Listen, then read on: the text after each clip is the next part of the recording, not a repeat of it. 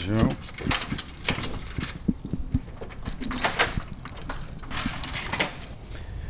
Die zit dicht. Laurens, waar gaan we naartoe? We gaan naar Katelijne Buitenweg. De nummer 2, voormalig nummer 2 van GroenLinks. Tegenwoordig uh, is zij staatsraad. Een hele mooi, heel mooi woord vind ik dat, staatsraad.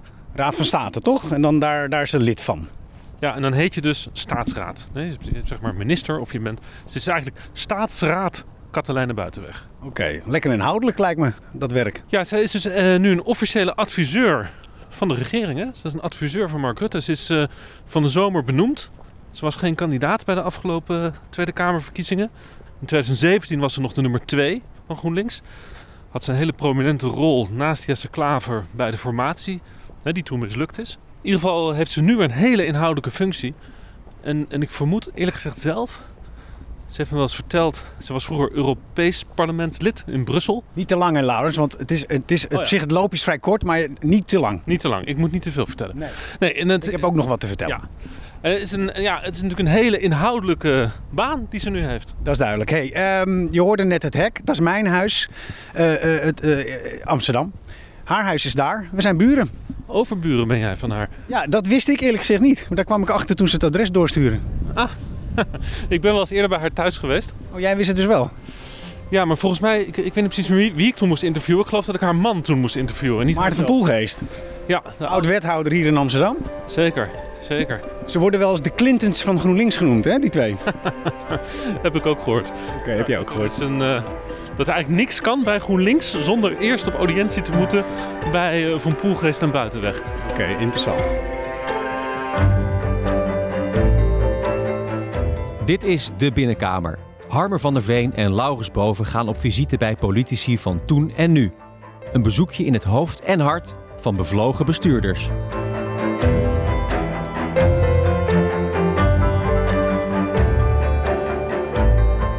Uh, vorige aflevering nog heel even kort. Um, toen hadden we Jeroen Dijsselbloem.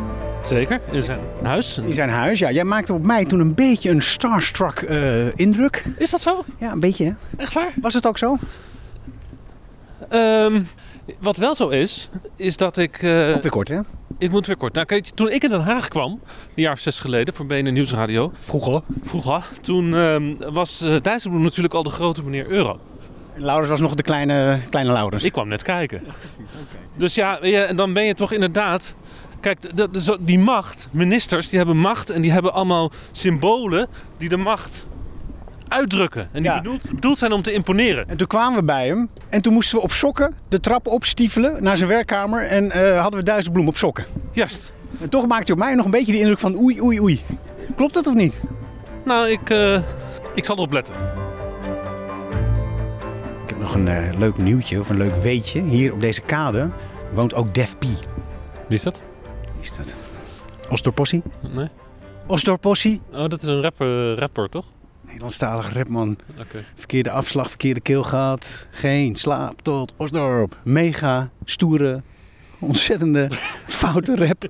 En Def P woont hier. Okay. Ik, heb, ik heb een paar keer zien fietsen en dan wilde ik de hele tijd zo zeggen... Hey, Def P! Ik heb het nog niet gedaan. Hm. Starstruck was ik.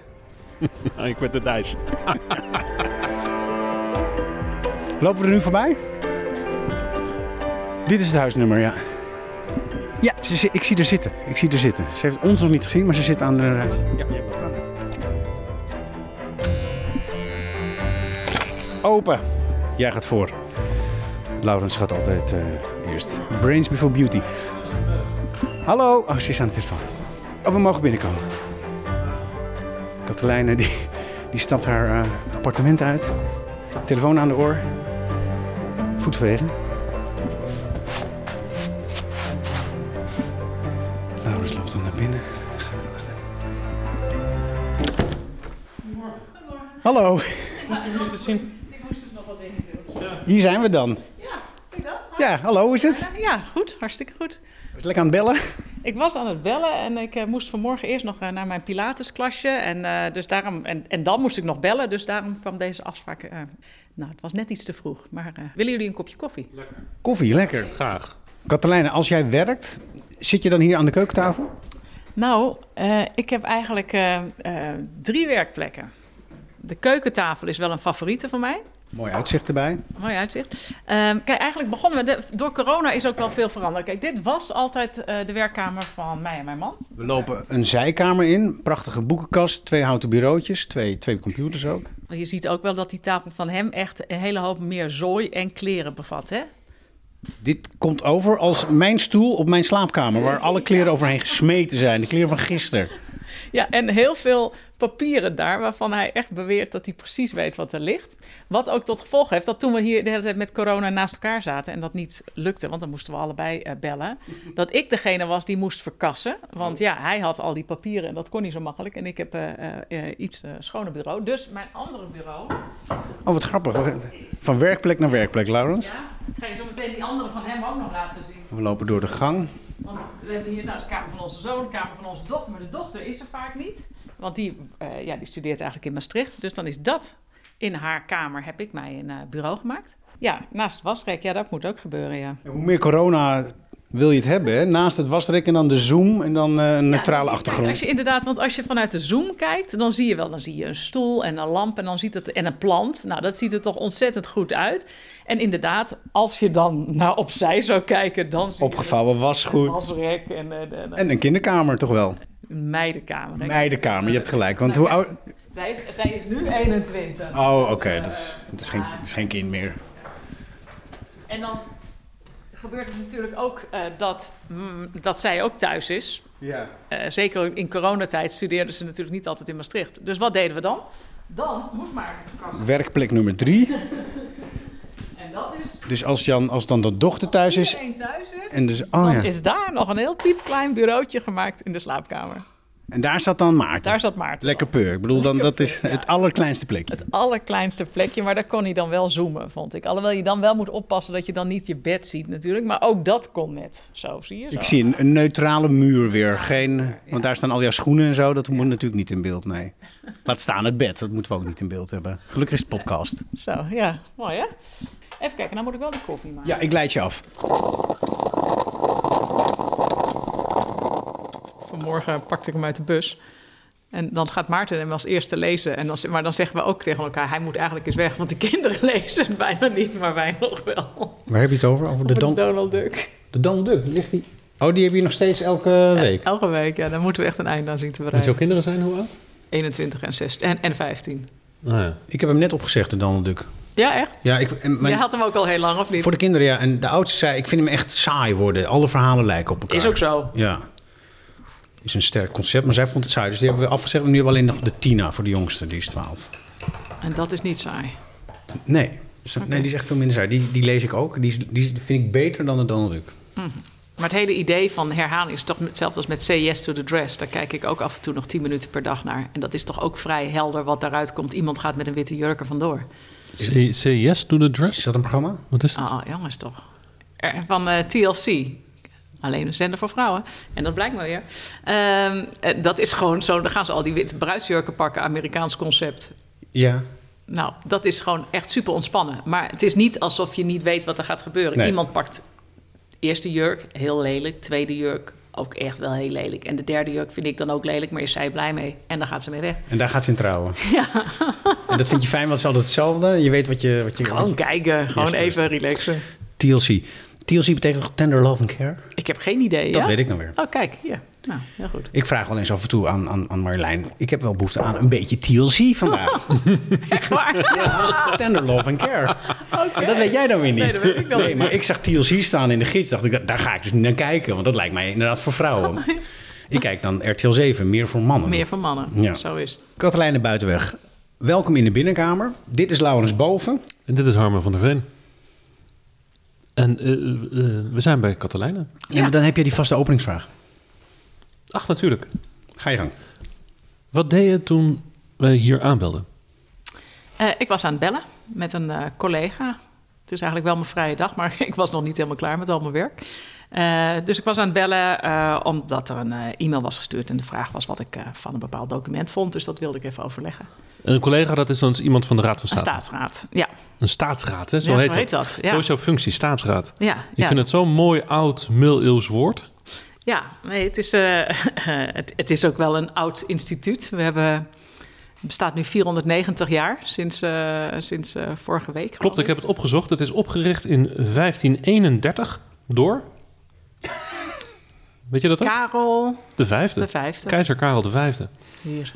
Het is een van de oudste continu in bedrijf zijnde instituten van de wereld. Dan voel ik me wel een beetje een ridder van de tafelronde. Maar uh, nee hoor, zo... Uh... nee, en het is wel grappig. Dus de betekent ook... is dan de, de, King Arthur eigenlijk? Of dat betekent ook dat je wel snel de revolutie kan uitbreken. En we hebben onlangs voor het eerst... en daar heb ik aan uh, meegedaan, maar ook samen met een collega... hebben uh, gevraagd dat er een heidag kwam... zodat we echt met de staatsraden... Um, ook een nachtje gingen slapen ergens en echt met elkaar gewoon gingen praten over het werk. Maar het was voor het eerst in 490 jaar dat er een heidag was georganiseerd. Echt waar? Dus dat dacht ik, nou, dat is dan toch al in de pocket. Ja. Ja, ja. Ik, ik, heb altijd gedacht dat het een soort erefunctie is voor politici die geen zin meer hebben in de politiek. Dat ze dan daar een soort van uh, uh, pensioenbaan hebben. Maar dat is het dus niet. Het is echt een nou, fulltime baan. nee. ja. Zo. Ik grijp maar in hoor. Hoppateetje. uh, uh, nee, ik ben gewoon. Ik, ja, het is echt gewoon een. Ja, het is vier dagen per week. Dus uh, vele van ons zijn dan ook nog daarnaast bijvoorbeeld één dag per week hoogleraar aan de universiteit. Ehm, en het is echt ja, een volle dag. want je bent aan het vergaderen over de wetgevings, uh, de, ja, de voorstellen van de regering, de wetgevingsvoorstellen. Daar moet je naar kijken ja, of ze juridisch kloppen, of ze in lijn zijn met Nederlands recht, uh, met grondwet, uh, met internationaal recht. Hou je daarvan? Ja, dat vind ik heel leuk. Waarom vind je dat leuk? Um, nou, om met elkaar, dus je zit met een groep, je bent meestal met een, met, met, met één of twee andere staatsraden ben je dit aan het kijken en ook een paar medewerkers. Uh, om met zo'n groep te gaan uh, ja, onderzoeken van of iets waar en wijs is en wat er misschien beter aan kan. Uh, ja, waar, waar misschien valkuilen zitten. En kijk je dan naar letter en geest van de wet? Ja, je, nou, je, je kijkt inderdaad wat er staat gewoon in de wetstekst. En daar zit ook altijd een toelichting bij. En die moet je natuurlijk ook heel goed lezen. Uh, en daarnaast moet je, en, en dat wordt natuurlijk uh, ook steeds belangrijker, ook het onderwerp uitvoering, moet je ook kijken van, nou ja, wat voor een soort uitvoeringsproblemen zou dit kunnen geven? Ja. Maar dus inderdaad, letter en geest. Waarmee ik bedoel, het is niet alleen maar puur wat er staat. Het is ook wat het doet en wat, het, wat, het, wat, het, wat de intentie is. Ja, wat het, en, en dan moet je natuurlijk zeggen wat je daarvan verwacht, zeg maar, Ja. wat het gaat doen. Ja, dus het is niet alleen een juridische toets, het is ook een, eh, een, een toets over de impact op de samenleving. En zeg je, oh, dan moet je ook kijken van, is dit nou een reëel probleem wat er geschetst wordt? En Ja. is het antwoord wat gegeven wordt, eh, is dat ook inderdaad een mogelijk effectief antwoord op het probleem wat de vraagsteller zegt? Of ik het een verstandig iets vind zelf, of ik het zou willen, dat is dus niet aan de orde. Nee. Dus het is niet zozeer wat mijn mening is, eh, als wel van, nou ja, van wat je met elkaar kijkt van is dit een probleem wat op deze manier opgelost kan en, en redelijk wordt. Ja, en je bent dan als staatsraad volledig onafhankelijk. Hè? Want Ja. je bent voor het leven benoemd. Ja. Dus je hebt eigenlijk... eh, Ook zo ouderwets, inderdaad, voor het leven benoemd. tot je 70 bent is dat in Ja, maar dat is natuurlijk vanuit het idee dat je niet onder druk gezet Ja. kan worden. Ehm, Ja. en, en, maar inderdaad, Dus je hoeft je moet van niemand iets aan te trekken. Er is geen politicus die kan tegen jou, of minister die tegen jou kan zeggen: zeg, eh, mevrouw Buitenweg, eh, de- de- de- zo kan het niet. Nee, maar ik voel niet alsof je het helemaal eh, vrij bent. Want je moet natuurlijk zorgen dat, eh, dat het instituut ook gerespecteerd blijft. Eh, dus je kan niet zomaar een hoop onzin lopen te verkondigen. Dus je moet wel heel erg goed opletten van, eh, nou ja, wat, ja, dat je wel dat wat je opschrijft, dat het ook wel juist is. Maar dat dus gaat ik om- voel die druk wel. Maar dat gaat om de waardigheid van dit instituut, wat niet voor niks zo oud is en heel belangrijk. Maar je zegt ook dus, door, door, die, door de constructie ben je dus heel onafhankelijk. Je hebt een hele onafhankelijke positie. Je hoeft aan niemand eigenlijk verantwoording af te leggen. Dus niet aan kiezers meer, niet aan fractiegenoten, niet aan een fractieleider. Dat is een groot verschil met waar je vandaan komt. Als je het nu, in ieder geval naar de korte geschiedenis, de Tweede Kamerperiode. Ja, dat klopt wel. Ja, dat klopt. Dat je daar natuurlijk eh, veel meer te maken had, inderdaad, eh, met een partij. En dat vond ik, wat ik lastig vond, eh, was af en toe ook eh, dat, eh, dat je ook heel erg moet kijken naar de stra- wat strategisch is voor een partij. En daar ben ik wel blij dat ik van af ben. Want ik had. ehm, dus ik heb niet zozeer dat ik me heel erg onder druk gezet voelde door de partijleider of door de rest van de fractie. Maar je bent door- verlost van strategie. Nou ja, dat, wat ik vaak had, is dat ik dan bezig was ook met wetgeving. En dat ik aan het kijken was van, vind ik het nou verstandig of niet? En dan kwam, er, kwam je er bijvoorbeeld op uit dat je denkt van... nou, uh, misschien wil ik dit wel steunen, want ik vind het een stap in de goede richting. En als er dan gezegd werd, ja, maar bijvoorbeeld, nou, ik noem maar wat... de PvdA of een andere partij gaat wel tegenstemmen... dan moet je je daar weer toe gaan verhouden van... oh ja, maar dat betekent dan dat GroenLinks iets gaat zeggen voor de coalitie... terwijl uh, misschien een andere oppositiepartij daartegen is. Dat ken je vast, uh, Laurens, mm -hmm. al deze overwegingen.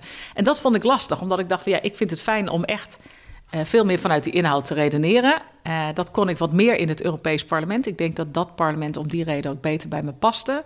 Uh, en dat kan ik zeker nu ook bij, bij de Raad. Dus daar voel ik me heel erg op mijn plek. Ja, ik wil nog even één ding over de, de Raad van State. Dat is goed, maar dan wil ik door op wat, wat nog op tafel ligt. Want ja. ik heb het gevoel dat ik iets interessants heb. Nee, dat is zeker. Nee, want um, je bent natuurlijk als uh, lid van de Raad van State, zeg ik maar even, als staatsraad inhoudelijk bezig. En inhoudelijk heel erg met wetten bezig. Maar in zekere zin is dat natuurlijk nog steeds eigenlijk een politieke baan. Nee, het, je maakt wel onderdeel uit natuurlijk van, uh, uh, ja, van het hele. van de instituties die de wetgeving maken. Maar ook niet iedereen van ons is lid van een politieke partij. Nee, Nee, want we hebben net um, natuurlijk jullie advies gezien over uh, het klimaat, uh, de klimaatwetgeving en de klimaatplannen van het kabinet. En um, nou ja, als je dan de, het persbericht wat daarbij gepubliceerd is erbij pakt, dan, dan, dan gaan jullie eigenlijk als Raad van State heel ver in het adviseren van het kabinet wat er nu moet gebeuren. Dat de, de, de, jullie zeggen van het kabinet is demotionair, maar het, toch moet er nu actief beleid worden gevoerd op klimaat. Vandaar dat ik zeg van het, het, het, het mm-hmm. komt bij mij over als best een politieke baan eigenlijk. Dat je heel erg actief mengt in de politieke discussie die in het parlement gevoerd wordt. Ja, maar dit uh, rapport is een. Uh, um, ja, is zeg maar, door, dat wordt aan ons gevraagd om ons uh, elk jaar en, uit te laten, zeg maar, ook over de vorderingen van de klimaatwet. Dan zijn er dus, je hebt een klimaatwet, je hebt daarna allerlei internationale afspraken die gemaakt zijn. Rechters hebben zich daar ook over uitgelaten. En ook die zijn niet uh, in, in die zin politiek. Dus ook voor dit rapport is uh, strikt gekeken naar de verplichtingen die ook Nederland is aangegaan. En het feit dat daar dus ook gevolg aangegeven moet worden. Juist omdat verplichtingen niet vrijblijvend zijn. Dus dat is nog wat anders dan dat je helemaal ook je gaat mengen in nou, op, op welke wijze dat moet gebeuren en dergelijke. Er liggen verplichtingen, die moeten worden nagekomen. Uh, ja, en, en dat hoort dan ook bij je taak om daar dan eerlijk over ja. te zijn. Ben je dan ben je een soort scheidsrechter of zo dan die, dan, die dan kijkt van jullie hebben wel een politieke discussie in het parlement, maar jullie vergeten dat er wetgeving is. Nou, er wordt en, gewoon uh, gevraagd van, uh, aan de Raad van State om hier regelmatig uh, zeg maar te beoordelen in hoeverre er nou vooruitgang komt. Ja, daar moeten we ons toe verhouden. Het oh. feit dat er een demissionair kabinet is, dat is eigenlijk ja, dat is voor de verplichting ja, niet echt van belang. Ja, want dus, er is, daar is natuurlijk dus ik kan me daar, kijk, dat is namelijk ook nog wel interessant. Want ik heb ook bij zo'n discussie kan ik ook wel voorstellen van ja, ik kan me voorstellen dat een kabinet dat lastig vindt. Dus dat is, mijn, dat is juist mijn mm. politieke inborst. Dat je denkt, voor zo'n kabinet is het lastig om nu maatregelen te nemen. Dat is jouw, dat is jouw bagage ook in dat die, is eigenlijk, groep, ja. Nee, maar dat, dat, dat kan je namelijk, dat is een politieke overweging. Maar het feit dat er verplichtingen zijn die door de staat zijn aangegaan, dat zijn juist ja, niet politieke ja, feiten. Want het is natuurlijk in de, in de politiek de laatste tijd ook wel in discussie. Vanuit de, rechtspopulisten, die hebben er heel veel kritiek op dat er vanuit adviserende organen, zoals de Raad van State of vanuit wetgeving, rechters, dat die dan op de stoel gaan zitten van politici. En als dan de Raad van State zegt van er moeten nu extra maatregelen op klimaat worden genomen. Um, Zit dat dan ook in die. Nou, ik, zie dat, ik zie dat meer als. Uh, uh, je bent, maakt met elkaar natuurlijk wel onderdeel uit nou ja, van de trias politica. Van, uh, van, de scheiding der machten. Ja, de scheiding der machten. Hoe ik het zie is van je moet als. wij zijn geen rechter, maar er zijn natuurlijk een aantal rechtelijke uitspraken gedaan in het stikstofdossier. Dus ook waar je aan refereert, aan de kritiek van. gaat uh, de rechter niet veel op de stoel van de politiek zitten. Maar de rechter concludeert op een gegeven moment op basis juist ook van verplichtingen of wetten die zijn aangenomen. Van nou ja, de, de, de maatregelen die ze nu willen gaan nemen is niet in lijn met de wetten die nee. ze eerder hebben aangenomen. Dus dan komt er een oordeel van een rechter. En vervolgens is het aan de politiek om daar dan iets mee te doen. Dat is dan weer niet aan een rechter. Maar dus, dus dat is een soort samenspel. Um, het is ook niet zo dat de politiek uh, grenzeloos zelf allerlei dingen kan doen zonder ook gehinderd te zijn door de wetten die het eerder heeft Nee, precies, aangenomen. exact, ja. Dus, het is, dus de, de, de rechter geeft ook op een gegeven moment de grens aan. Die zegt, hé, hey, hier wringt het of hier ga je eh, over de lijn van de wet. Eh, daar moet je wat aan doen. En vervolgens is het dan weer aan de politiek om te bepalen wat het gaat doen. Ja, Zo blijft dus de- iedereen dus in zijn dat- rol. Dat, dat hele oude, dat 400... Jij zit echt eh, op het vinkentaal. Omdat jij nu op een plek zit die jou heel erg goed bevalt dan. Ja, dat klopt. Is het jou dan in Den Haag slechter bevallen dan in Brussel? Echt veel slechter. Je hebt het eigenlijk al gezegd. Ik zat in Brussel, vond ik het leuker. Ja. Ook een parlement. En Ja, het Den gaat dan weer te ver om te zeggen dat het me veel slechter is bevallen. Want er zijn natuurlijk, eh, ik heb heel veel plezier gehad met werken met collega's, eh, zowel in de fractie. Ja, maar je bent eh, wel, na vier jaar was je weg. Ja, maar dat had wel meer redenen. Dat weet ik, gaan we het ook nog over hebben. Maar toch, Ja, nee, maar het klopt. Kijk, wat ik leuk vond in, in, in het Europees Parlement. ehm, is, ehm, is dat je, je bent daar vaak met een bepaald dossier bezig. Daar ben je rapporteur voor. eh, dan moet je daar echt helemaal gaan ingraven. Dan vergt het ook veel meer nieuwsgierigheid eh, om te weten hoe zal het uitpakken in andere landen. Want dan kan je wel een idee hebben over nou, wat je allemaal wenselijk vindt eh, en hoe een wet uitpakt in Nederland. Maar hoe zit het met de, nou, noem maar wat, de grond in, in, in Spanje en de, en, en de Ja. gevolgen voor de milieuwetgeving daar of in Bulgarije. Daarvoor moet je veel meer met elkaar gaan praten. Ik weet, ik heb een keer eh, een hele discussie gehad, die vond ik ook leuk met een, eh, met een Franse collega van mij. Dat was in de tijd dat, we, eh, dat in Nederland gepleit werd ook voor een recht op deeltijdwerk. ja. En zij was daar echt falikant op tegen. En ik dacht, hoe kan dat nou? Want zij is een van mijn geloofsgenoten, zeg Ja. maar. En zij vond het echt, zij wilde pleitte eigenlijk voor een recht op fulltime werk. Ik dacht, nou, dat zit wel echt lijnrecht tegenover elkaar. Maar waar het om ging, dat was dat in Frankrijk op dat moment juist heel veel typische vrouwenbanen. Eh, deeltijdbanen waren, waardoor vrouwen eigenlijk vaak niet economisch zelfstandig konden worden. En wat is een typische vrouwenbaan? Nou, vaak in de zorg. Ja, eh, dus niet je- rechters of zo. En OM, want dat is in Nederland het geval. Hè? Dat ja, zijn, maar ja. Dit, dit waren dus inderdaad de typische vrouwenbaan. Die konden vaak niet fulltime. Nee. En uiteindelijk konden we elkaar dus wel degelijk vinden op dezelfde basisprincipes. Namelijk dat je keuzevrijheid moet hebben van op welke wijze je nou ook het beste ook zorg en, en, en werk met elkaar kan combineren. Maar het vergt dus dat je veel meer even moet inleven en moet onderzoeken van hoe iets dan uitpakt in een ander land. Ja. En dat is toch een andere manier van doen dan, ehm, dan hier waar de confrontatie eh, toch eh, juist centraler staat. In, de Tweede Kamer vind je het gewoon meer op de, op de conflict dan op de samenwerking. Vaak. Eh, Het, het- je vergroot conflicten uit, terwijl je, er ook heel veel is wat je, wat je deelt. Een van de dingen die ik het leukste vond in de Tweede Kamer... was het voorzitten van de tijdelijke commissie Digitale Zaken. Ja. Want dan Ehm, zit jij weer op die plek. Dan zat ik weer op die plek waar je inderdaad samen eh, met mijn collega Kees Verhoeven van D66, met Chris van Dam van, eh, van CDA, met Jan dat- Middendorp. Dan, Ja. weet je, dat, dan konden we met elkaar gaan zoeken. En dan waren er ook verschillen, want ik ben niet bang voor verschillen. Nee. Eh, maar het is natuurlijk het meest interessant om te kijken, eh, en dat was ook in het Europees Parlement, hoe kan je zo scherp mogelijk aan de wind varen? Namelijk, hoe kan je dus zoveel mogelijk van je eigen overtuigingen ook overeind houden, maar wel. Eh, eh, eh, En waar kan je nog een zo groot mogelijk draagvlak toch nog krijgen? Dus Ja. waar vind je elkaar nog het meeste? Dat vind ik heel erg interessant. Ook met PVV'ers, heb je daar goede contacten mee? Nee, eigenlijk niet. Oké, want een vriendin van jou heb ik gebeld. En die zei dat jij Martin Bosma een keer tegenkwam Ja, dit kom ik vaker tegen. Want die woont Ja. hier ook in de buurt. En toen, toen dacht jouw vriendin, oei, oei, oei. En toen bleek jullie een heel gezellig, goed, fijn gesprek te hebben. Jawel, die kom ik, ik kom hem vaker tegen, ook in de trein. We Ja. zijn elkaar vaak een beetje aan het pesten. Ehm, ik vind het van belang wel om met elkaar in gesprek te zijn. Ik heb daar wel moeite mee gehad. Want ook zeg maar in het Europees Parlement. Ik schrok daar de eerste keer van toen ik eh, eh, Le Pen tegenkwam. Dat ik samen met eh, Jean-Marie Le Pen in de lift stond. En, ehm, en ik had echt moeite daarmee. Maar tegelijkertijd, een van de dingen die ik hem verwijt... is dat hij mensen ontmenselijkt. En als ik dat ook zou doen, dan zou ik dat weer... ehm, ja, dan zou ik vinden dat ik in dezelfde valkuil Dus wat heb je gedaan? Want Jean-Marie de Oude Le Pen. De oude Daar stond je mee in de lift. Wat heb Ja. je gedaan? Ja, toch gewoon eh, eh, vriendelijk geknikt. Al- Eh, als mens? Als mens. Naar een zeg ander maar. mens. Ja, dus en wat, ik vind... Maar knikt hij Maar terug? niet, niet veel meer dan een knik dus. Nee, kijk, ik vind dat je ook niet moet doen alsof het allemaal normaal is. Dus dat is de ingewikkelde balans. Het is niet zo dat we, eh, zoals je wel eh, bijvoorbeeld bij, bij VVD'ers hebt, dat je gewoon tegenover elkaar staat. Maar als er echt eh, een partij is die echt juist mensen ontmenselijkt of, of niet terecht staat overeind Maar dat doet de PVV is dat toch, wel eh, ingewikkelder. dat doet de PVV soms, misschien zou je kunnen denken, of niet? Zeker, nee, Ja. maar dat is ook wat ik zeg. Maar daarom moet je dus, hoef je ook niet te doen alsof je gewoon normale collega's. Maar hoe doe je eh, dat dan met zo'n Martin Bosma? Dan, dan, je kwam hem, zoals jouw vriendin zei, we kwamen elkaar tegen volgens mij hier in het Ja, ja, ja, we winkelcentrum. waren aan het, aan het wandelen. Nou, wat doe je dan? Waar, waar moet je je overheen zetten dan? Nee, met hem ken ik nou al zo lang. Dat, we zijn dan vaak een beetje aan het. Uh, uh, ik ben hem aan het pesten. Hij is aan het uh, promoveren. Maar hij is nog niet al klaar met zijn promotieonderzoek. Maar lees je al En wat ik hij wel. schrijft? En Lees dan je vind ik dat is in ieder geval al sowieso leuk om daarop te sarren. maar, maar lees je wat hij schrijft? Lees je wat hij schrijft? niet al, nee. Nou, ik soms wel. Het, het slaat je koud om het hart.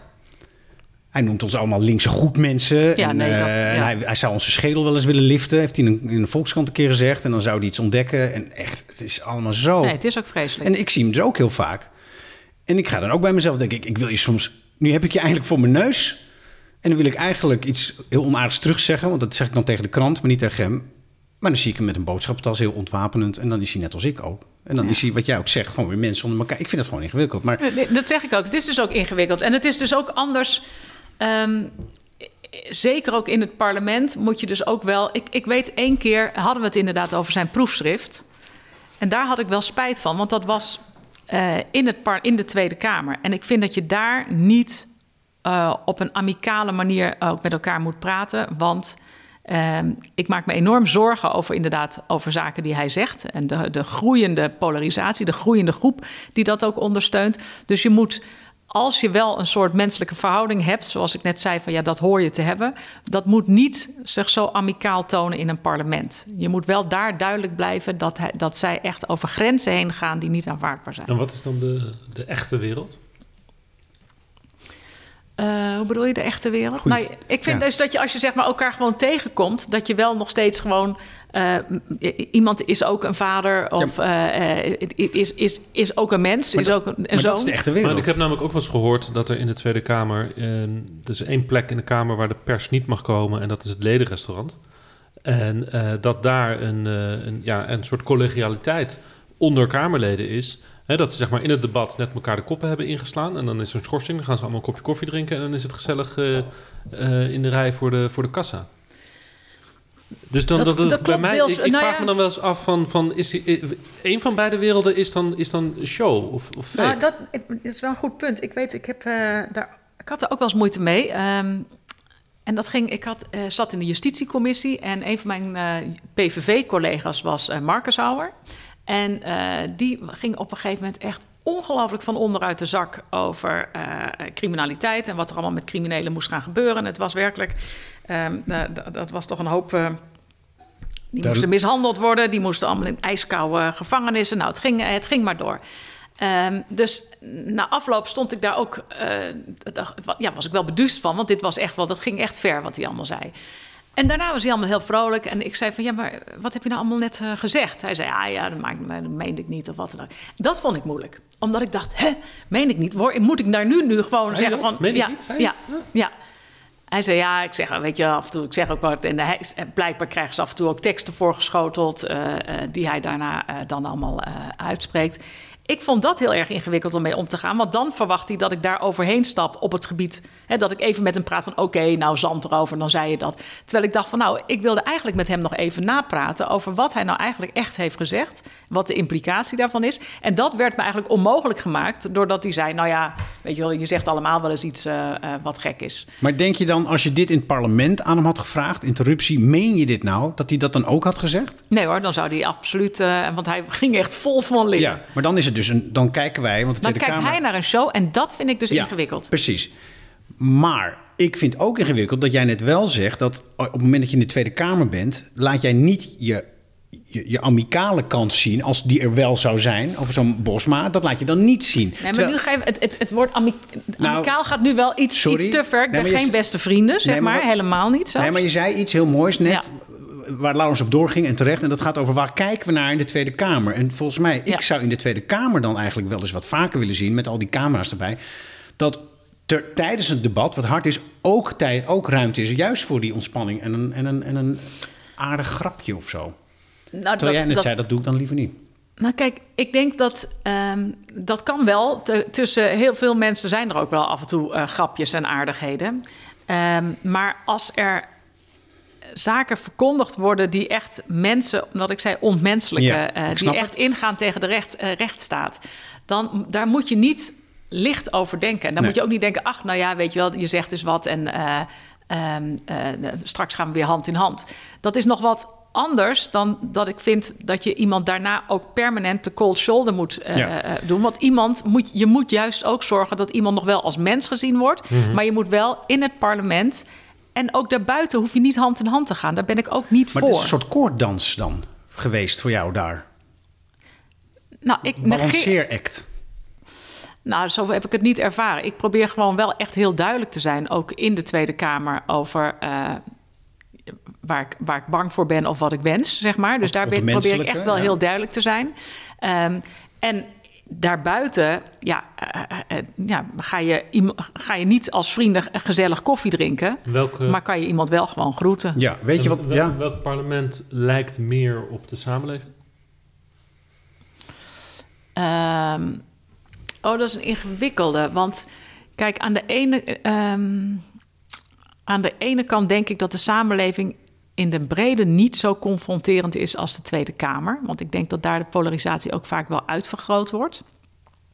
Tegelijkertijd is het Europees Parlement wel, ehm, eh, wel echt elitair. Dat valt me steeds vaker op nu ik al een tijd niet ben geweest. Als je er dan heen gaat. Het zijn allemaal mensen die eh, eh, waanzinnige opleidingen hebben genoten. vier, vijf talen spreken. eh, althans, zeg maar ook van de medewerkers. En, en, en ja, de achtergrond hebben om, en het vermogen hebben om zich in een ander land te gaan vestigen. Dat is wel een bepaalde groep mensen. Maar daar voel jij je wel in, bij thuis. Eh, ik, vond dat wel, ik vond het wel fijn, maar het valt me nu wel steeds meer op, zeg maar. Nu ik als ik er ja, niet ge- gebruikelijk ben om er te komen, hoe groot die afstand eigenlijk is tot een groot deel van de samenleving. En dat komt ook omdat ik Ja. natuurlijk sindsdien me ook erg ontwikkeld heb. Eh, want ik Ja. ben begonnen heel jong in het Europees parlement. Ja, maar het Europees Parlement is dus een hoog intellectueel niveau, omdat iedereen daar gewoon, gewoon, gewoon heel veel bagage heeft. Ja, vaak wel, ja. Ja, en, en mensen houden van zitten in hun hoofd, waar jij heel erg van houdt, toch? ja. Hoe is het voor iemand die zo in zijn hoofd leeft om, om dan ziek te worden en dat het lichaam het dan af laat weten? Eh, ik weet niet of ik daar. Het was gewoon heel moeilijk om te merken dat je ziek bent en dat je inderdaad niet meer kan doen wat je, eh, wat je wil doen. Dat je ook niet zeker weet hoe het allemaal gaat aflopen. Want je had kanker. Ik had kanker, darmkanker. Vond ik ook echt vet oneerlijk. Want darmkanker krijg je vooral als je heel veel rood vlees eet en veel eh, eh, alcohol drinkt. Nou, ik ben al levenslang vegetariër. Ik drink je- ontzettend weinig alcohol. Was je echt een beetje Dus ik dacht, nou, van bijna? alle vormen. Deze GroenLinkser? Nou, een beetje wel. Dat ik ook zei van, nou, hoe kan dat nou? Toen zeiden ze, ja, het kan natuurlijk ook gewoon soms misgaan. Want het zijn gewoon cellen die misgaan. Eh, nou ja, dat is wat er aan de hand was. En eh, eh, nou, ik ben super dankbaar over hoe het allemaal gegaan is. Want eh, ik heb eh 25 dagen zowel bestraling als chemo gehad. Nou, dat was wel genoeg om mij echt eh, eh, volledig van de poten eh, te slaan. Ja, wat, hoe was je er naartoe? Wel echt slecht. Ik kon niet eens meer lopen aan het eind. Nee? Nee, nee. Dus dat was wel, eh, ja, dat was wel echt... eh, in het begin, de eerste twee weken... weet je, dan moet je moet elke dag dan naar het eh, AMC voor de bestraling. Nou, dat ging dan nog wel. En eh, Maarten bracht mij elke ochtend. En nou, dat was allemaal prima. Eh, maar dat bouwt zich steeds verder op. Dus aan het eind eh, ja, ik kon, ja, kon ik letterlijk niet meer lopen. Dus dat was wel echt ziek. Echt uit het veld geslagen. Nou, eh, ja, het veld geslagen is meer alsof je het gewoon verdrietig bent, zeg maar. Maar gewoon fysiek niet meer veel, tot veel in staat. Ik had, het, het fijne was, uiteindelijk hoefde ik maar een paar weken niet naar mijn werk te gaan. Moet even niezen. Ah, daar is hij. Ja. Want je werk was toen Tweede Kamer, toch? Ja, Gezondheid, zeg je dan. Dank je.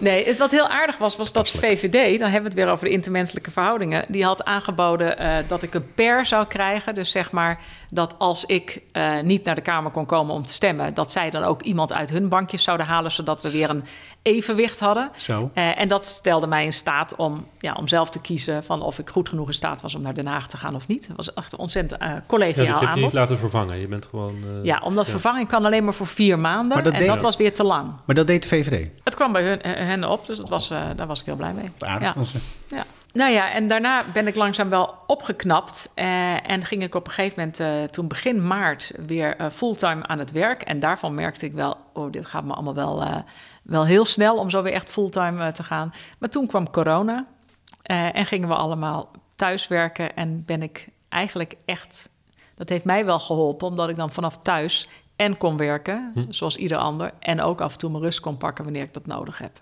En was dan de, de ziekte eigenlijk ook de aanleiding dat je zei van ik wil me niet meer kandideren? Ehm, het heeft, ehm, nou op twee manieren eigenlijk. Het heeft, ehm, nou, nou, het is en zo dat ik eigenlijk eh, 60 eh, uur per week eh, werken, dat vind ik toch wel lastig. Ik ben wel gewoon sneller moe, alhoewel ik inmiddels wel weer zoveel hersteld ben dat ik eh, eigenlijk wel weer echt eh, heel fit ben. Maar dat was ik zeker eh, twee jaar geleden, dacht ik wel van ja, hoe sterk ben ik nog eh, fysiek? Dat is wel gewoon, eigenlijk inderdaad dat je er niet op kan rekenen dat je sterk genoeg bent. Nou, Je eh, lijf. Je lijf. Want je hoofd, dat, dat werkt altijd Dat ging door. nog wel, ja. ja. Eh, en het andere is dat je natuurlijk wel, als je er ligt, ook gaat nadenken van ja, wat zijn de dingen die ik in ieder geval wil doen en heb ik er nou zoveel plezier in wat ik doe? En toen dacht ik van nou, ik heb Mijn tijd is kostbaar. ja, wel een beetje van doe ik nou de dingen die ik wil doen? Ehm, en dat is het niet helemaal. Nou, dan is het ook gewoon goed om na te gaan denken van wat zou ik dan willen doen? Waarom doe ik het eigenlijk? Voor wie doe ik het?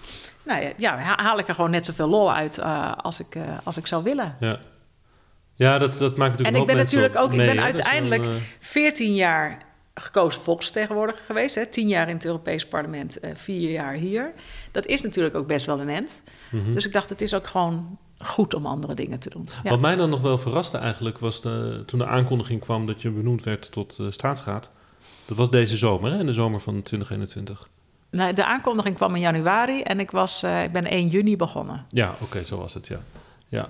Wat mij toen wel meteen door het hoofd schoot is van... hé, hey, ze gaat dus niet alleen weg uit de Tweede Kamer... maar ze neemt gewoon echt afscheid van de politiek.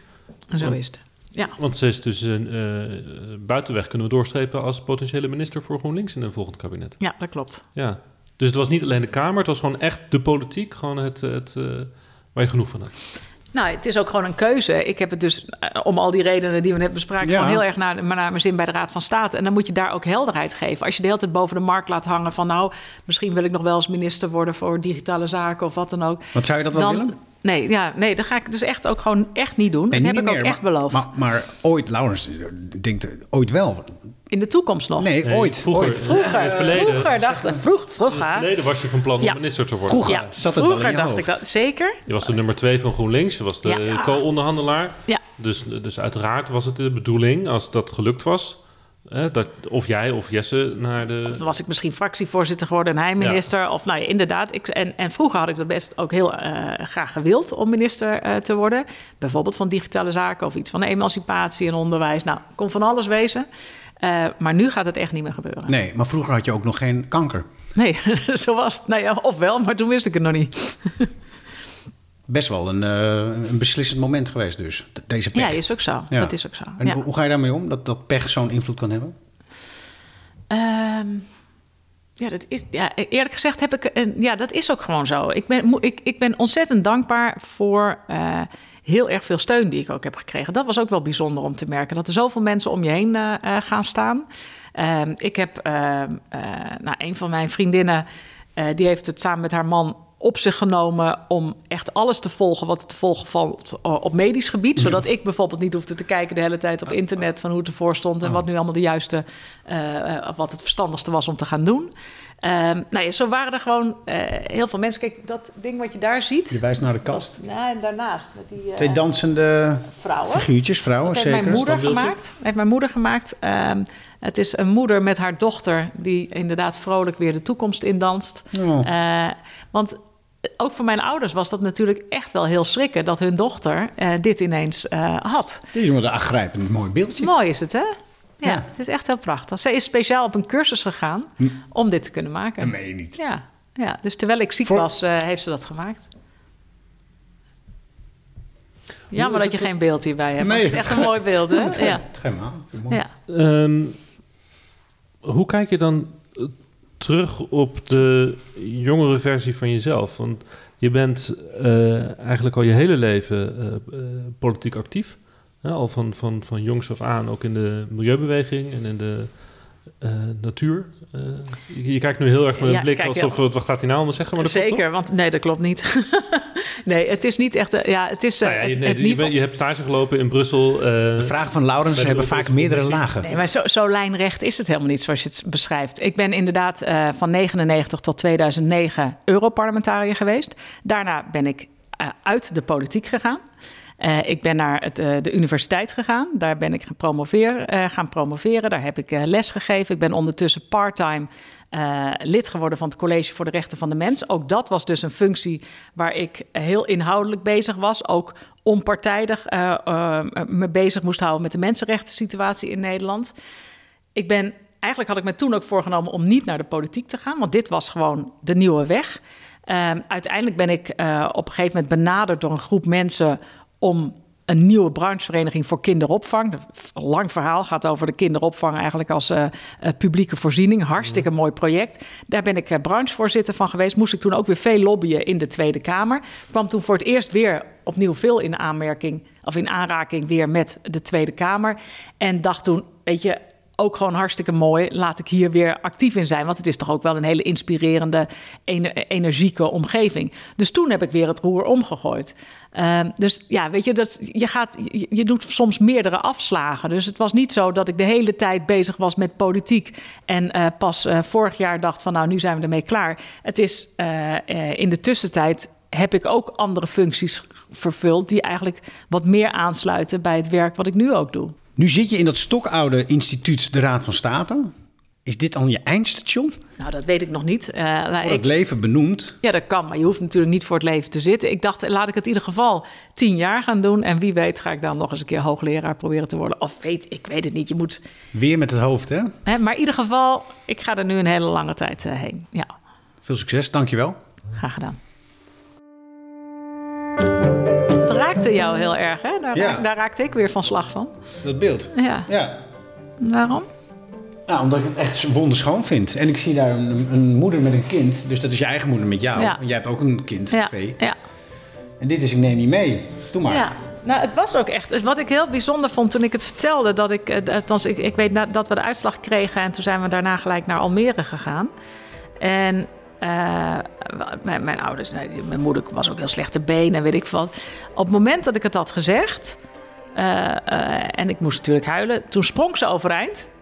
En was gelijk moeder die in charge was. Weet je, van we gaan dit oplossen. En dat ik ook dacht, oh, mijn oude moeder die is ineens weer gewoon duidelijk gewoon uh, die fysieke dingen op. Ze is gewoon in charge. Dat vond Ja. ik echt heel bijzonder ook om te zien. Ik dacht, oké, dat is dus uiteindelijk, uh, kan je er, hoe oud ze ook zijn, Ja. je kan er ook op bouwen dat ze er gewoon voor je zijn. Ja, en jij bent weer kind. En ik was weer kind. Ja, Van 40, weet ik veel. Ja. ja, ja. ja. Nee, dus dat was... uh, Maar dat is dus een, een hele ijzersterke band blijkbaar Ja. tussen moeder en kind. En, en ze zijn er nog, want ja, is niemand is weggevallen daar. Nee, nee, want als, hier zie je ook, nou als je dit weghaalt, heb je dus een kind alleen of een moeder alleen. En je ziet, nou ja, Nee, mooi hè? ja, het is ook subtiel, want dat kind is niet eens zoveel kleiner.